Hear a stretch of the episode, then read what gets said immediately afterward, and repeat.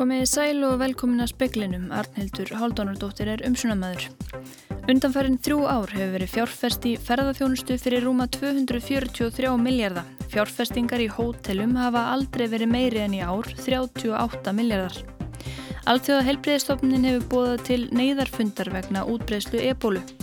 Boris Johnson frambjóðandi í leðtóabartu íhaldsflokksins breska ætlar ekki að standað útgöngu Breitlands úr Evrópusambandinu án samnings nema það sé síðasti valkosturinn sem býðst.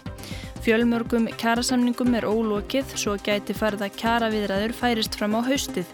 Sumarlokun verður hjá ríkisáttasemira í júli og fram yfir verslunamannahelgi. Stjórnmálafræðingur aðjungt í siðfræði óttast að hamslust hatur færist í vöxt í netinu. Spár gerir ráð fyrir að ferðamenn verði lítið eitt fleiri í ár en árið 2016 eftir mikla fjölgun árin þá eftir. Síðan 2016 hefur verið fjárfest fyrir næri 300 miljardar í ferðarþjónustu. Árið 2016 voru ferðamennum 1800.000 en náðu næri 2,4 miljónum í fyrra. Á þessu ári fakkar þeim í fyrsta sinniðu fyrir 2 miljónir síðan árið 2016. Fjárfestingar í ferðarþjónustu árið 2016 voru hátt í 100 miljardar, stærsti hlutin í hótel og veitingahúsarekstri. Samtök ferðarþjónustuna tóku þessar tölu saman fyrir fréttastofu. Áriði árumun slá met í fjárfestingum í hótel og veitingahúsarekstri 38 miljardar. Í fyrra var fjárfest í sama geri fyrir 37 miljardar en fjárfesting í flugrekstri namn 26 miljardum, 11 í bílalegum og 6 miljardum í flugvöllum. Stefan Brotti Guðjónsson fórstöðumöður greiningadeildar Arjón banka segir ekki ólíklegt að fjárfestingar hafi tekið mið af þeim vexti sem gert hafi verið ráð fyrir í greininni og ekki hafi verið gert ráð fyrir því bakslægi sem nú verist vera raunin. En að því sögðu þá, þá um leið hafa myndi aldrei verið að kalla eftir því að Hér verði fjárfæsti innviðum í aftreyingra tengdi ferðarþjónustu sem að geti stutt við að laða til landsins betur borgandi ferðarmenn og svo framvegis. Þannig einhver leiti þýðir þetta aðlögun af þeim svona áallunum sem að framöndan eru, aðlögun af breyttum aðstöðum og svo framvegis.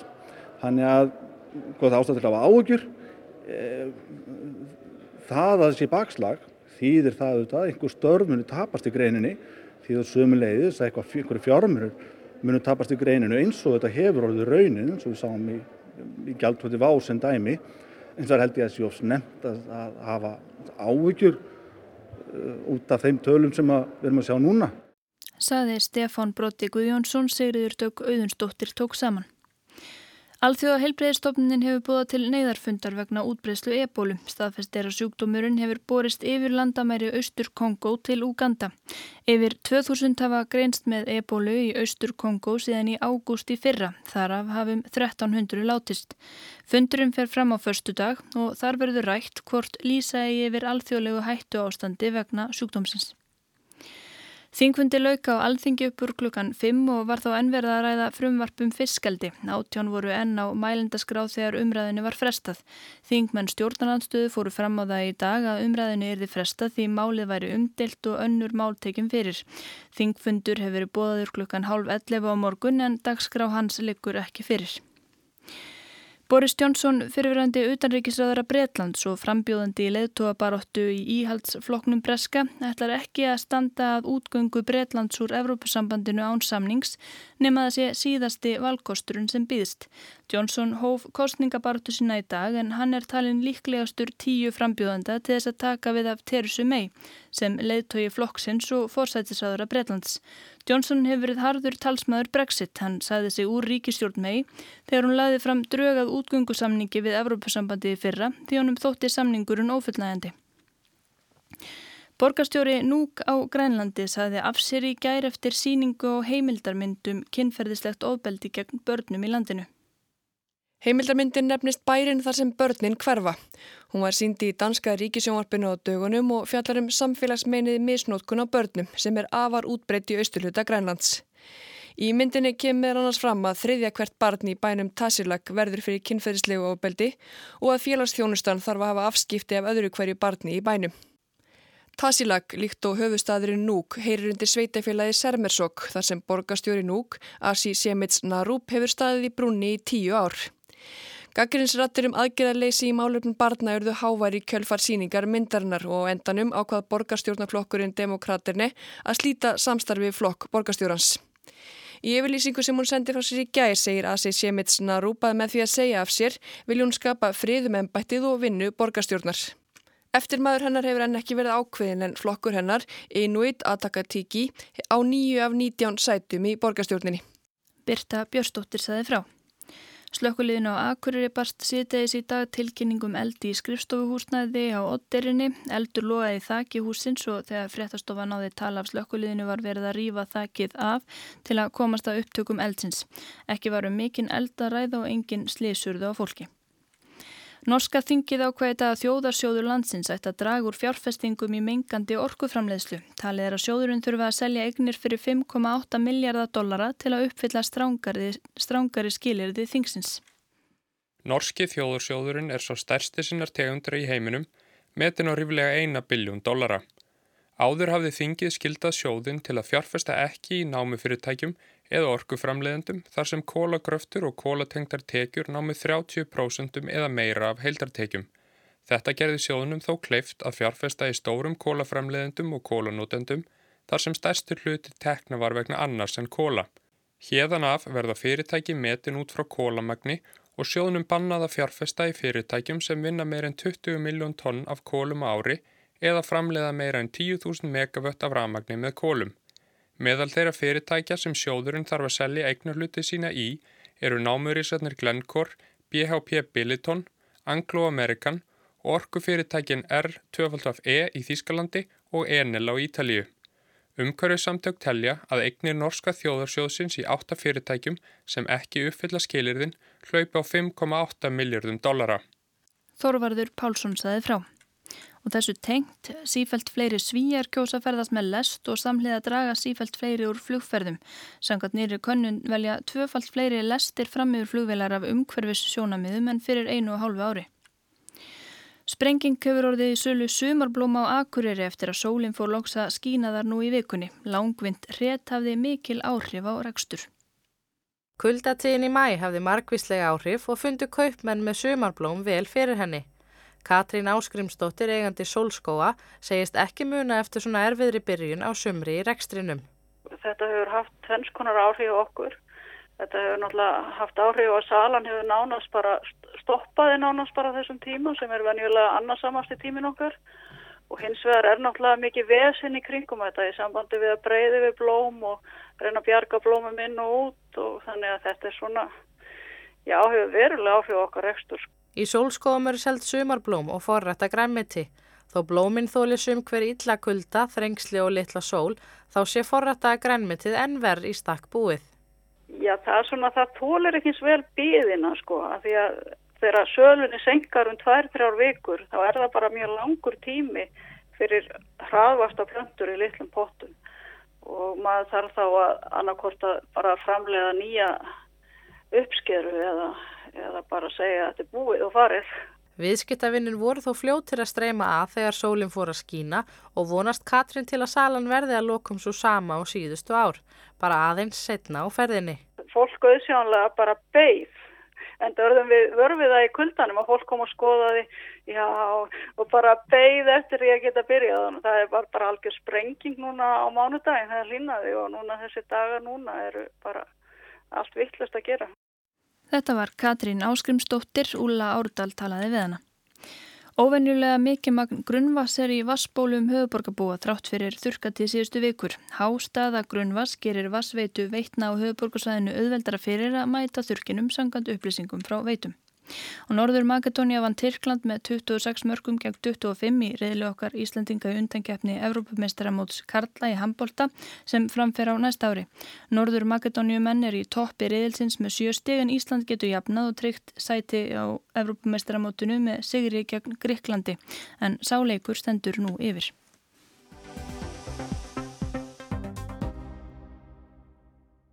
Síðastlunar tvær vikur hafa þrýr atburðir orðið til þess að brotist hefur út hamslaus reyði á samfélagsmiðlum.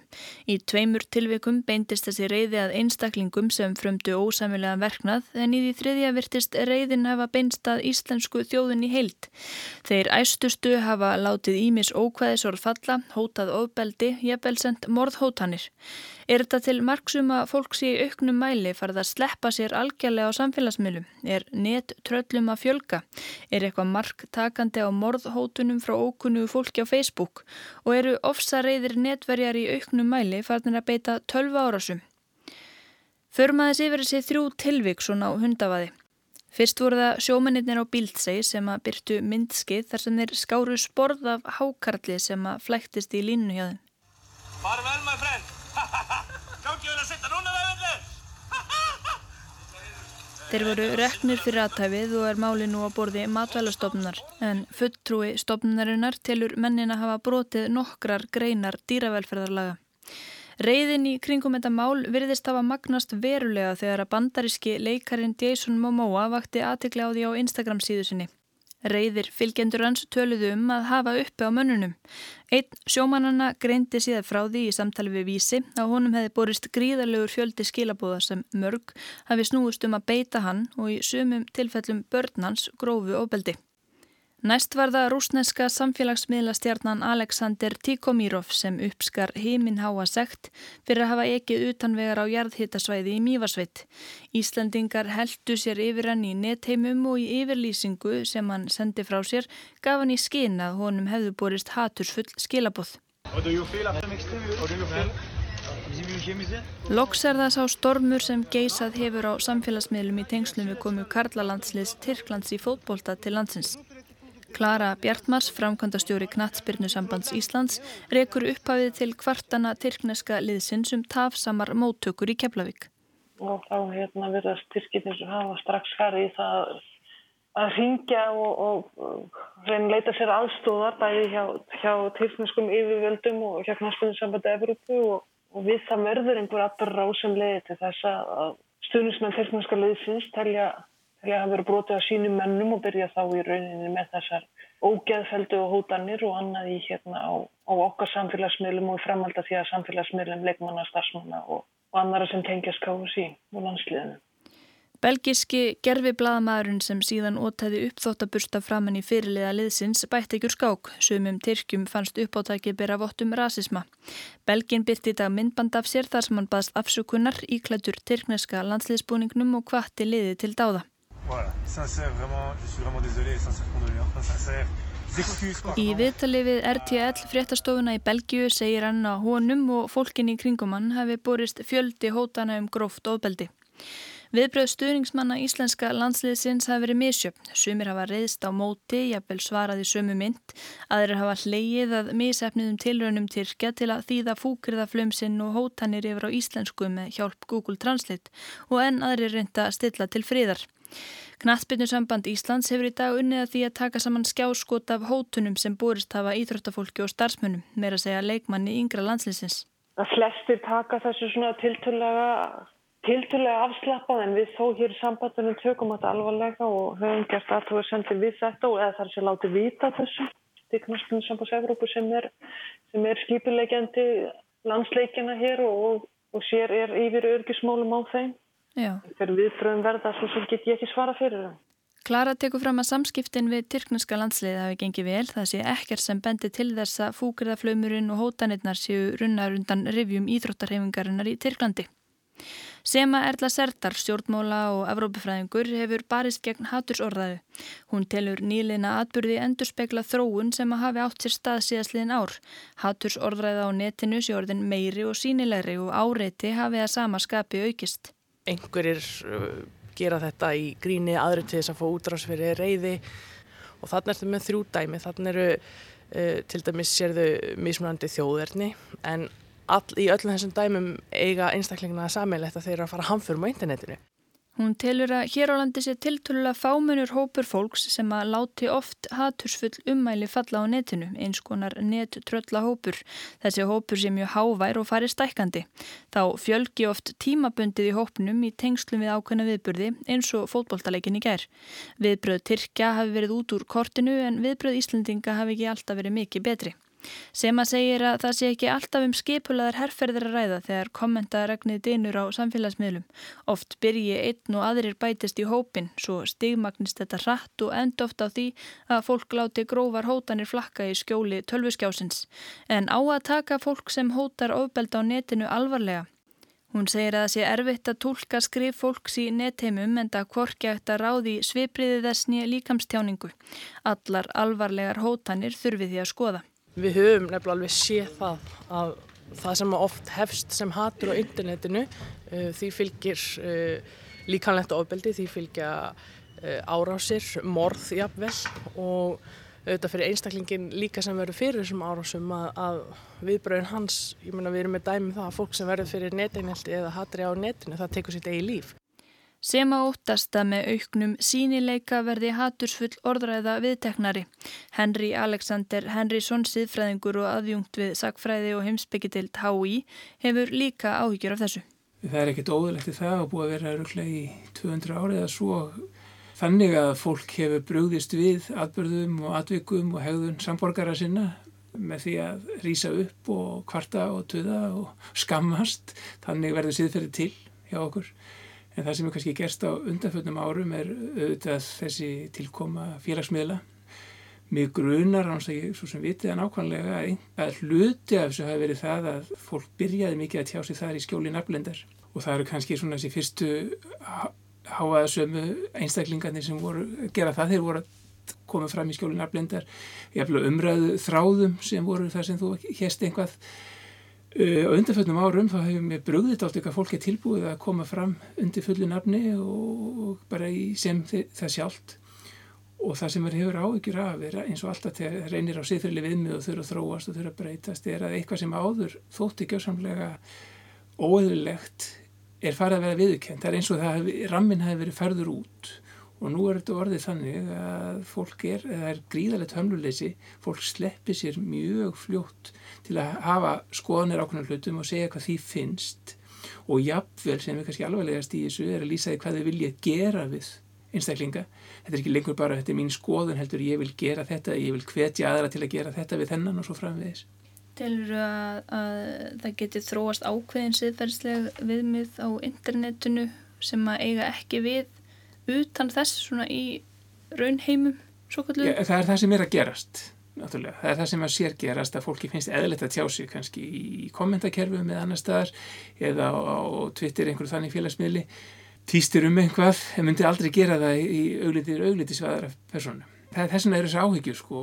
Hvað gerist þegar einhver byrjar á því? Þetta fer út fyrir þessa miðla og það er verið ekkert sem að sér sem ætti að koma í veg fyrir það, líklega munið að gerast. Nema náttúrulega að við náum einhvern veginn að grípi í handbremsuna og við samþykjum þetta ekki sem samfélag þessa, þessa, þessa hegðun Saði Henry Alexander Henrysson.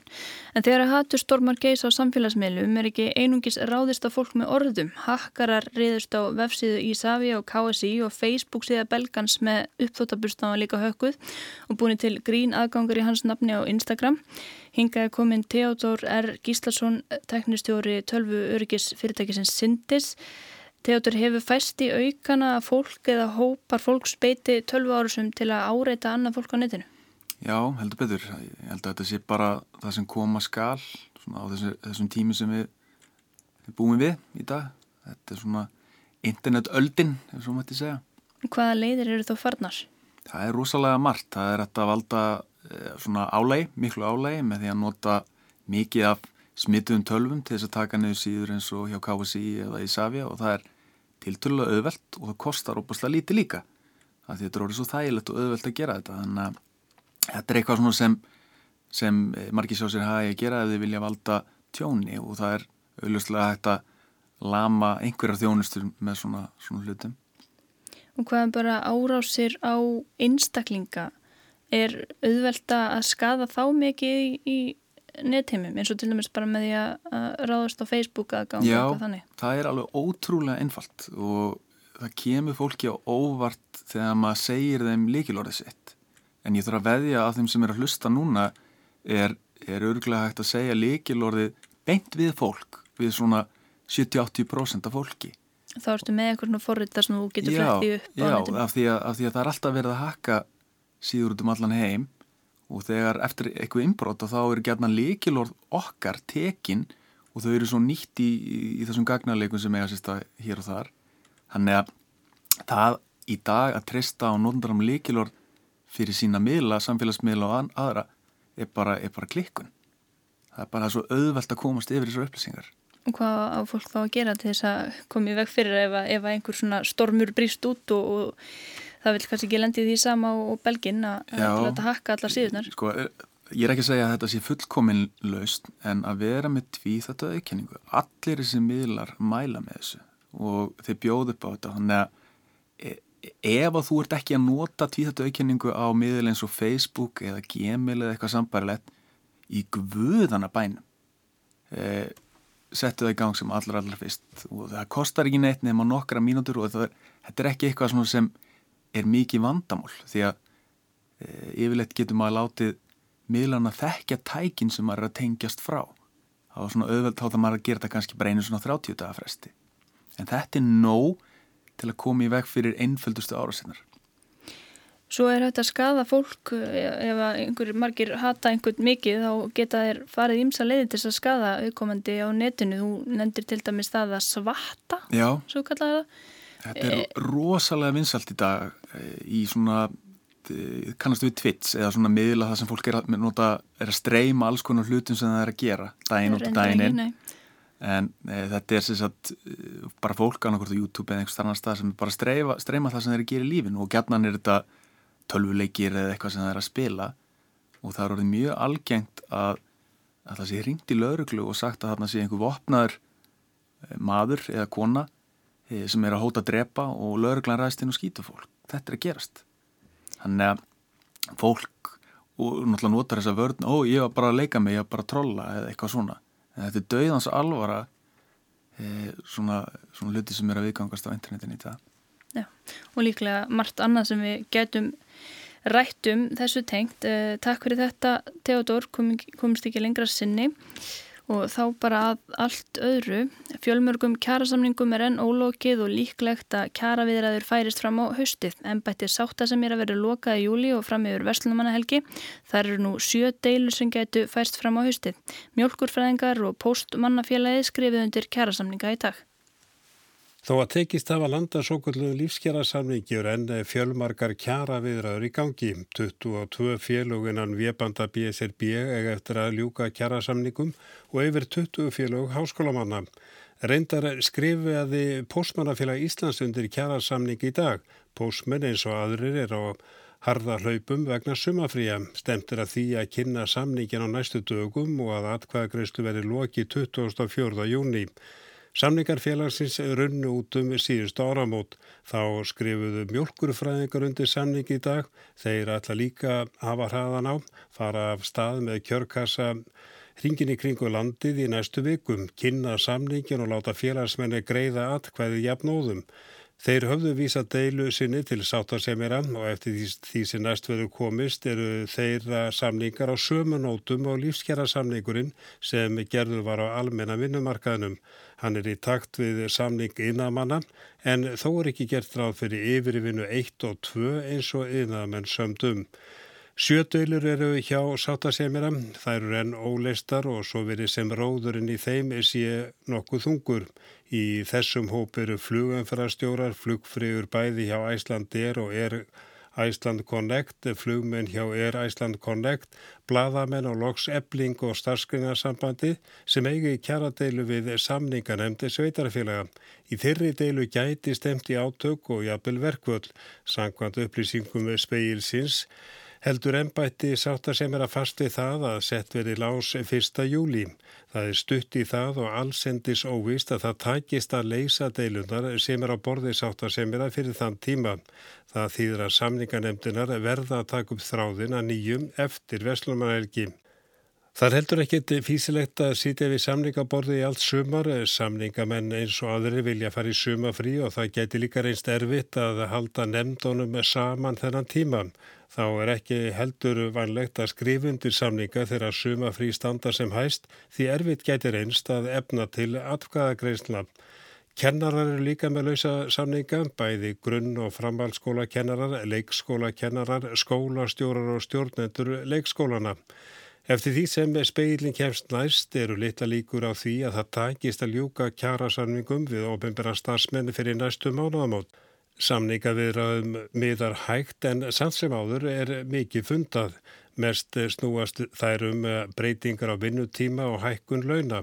BHM hefur lagt fram kröfum að lágmannslun verði 500.000 krónur á mánuði sem gætir einst erfitt að ná fram.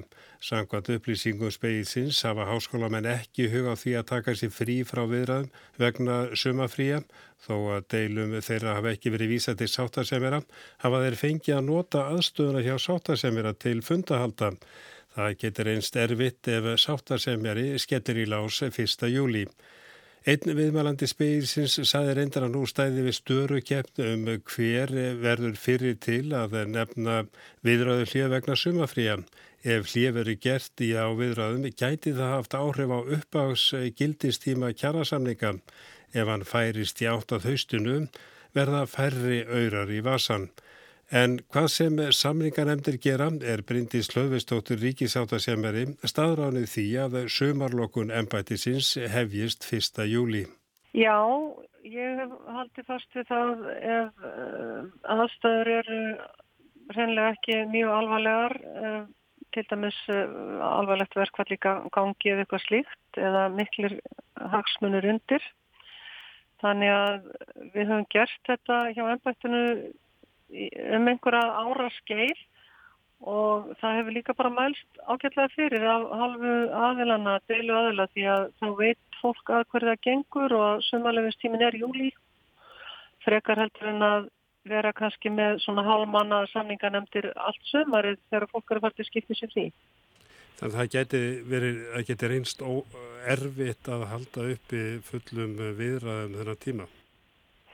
Já, það er bara átt reyndin að, að, að ef að það er ekki fyrirfram ákveðin sumalegis tími að þá er fólk aðlega að taka sumalegi allt frá kannski algengast bara frá byrju júni og fram til loka ágúst og uh, þá hefur þetta bara mælst ágætlega fyrir.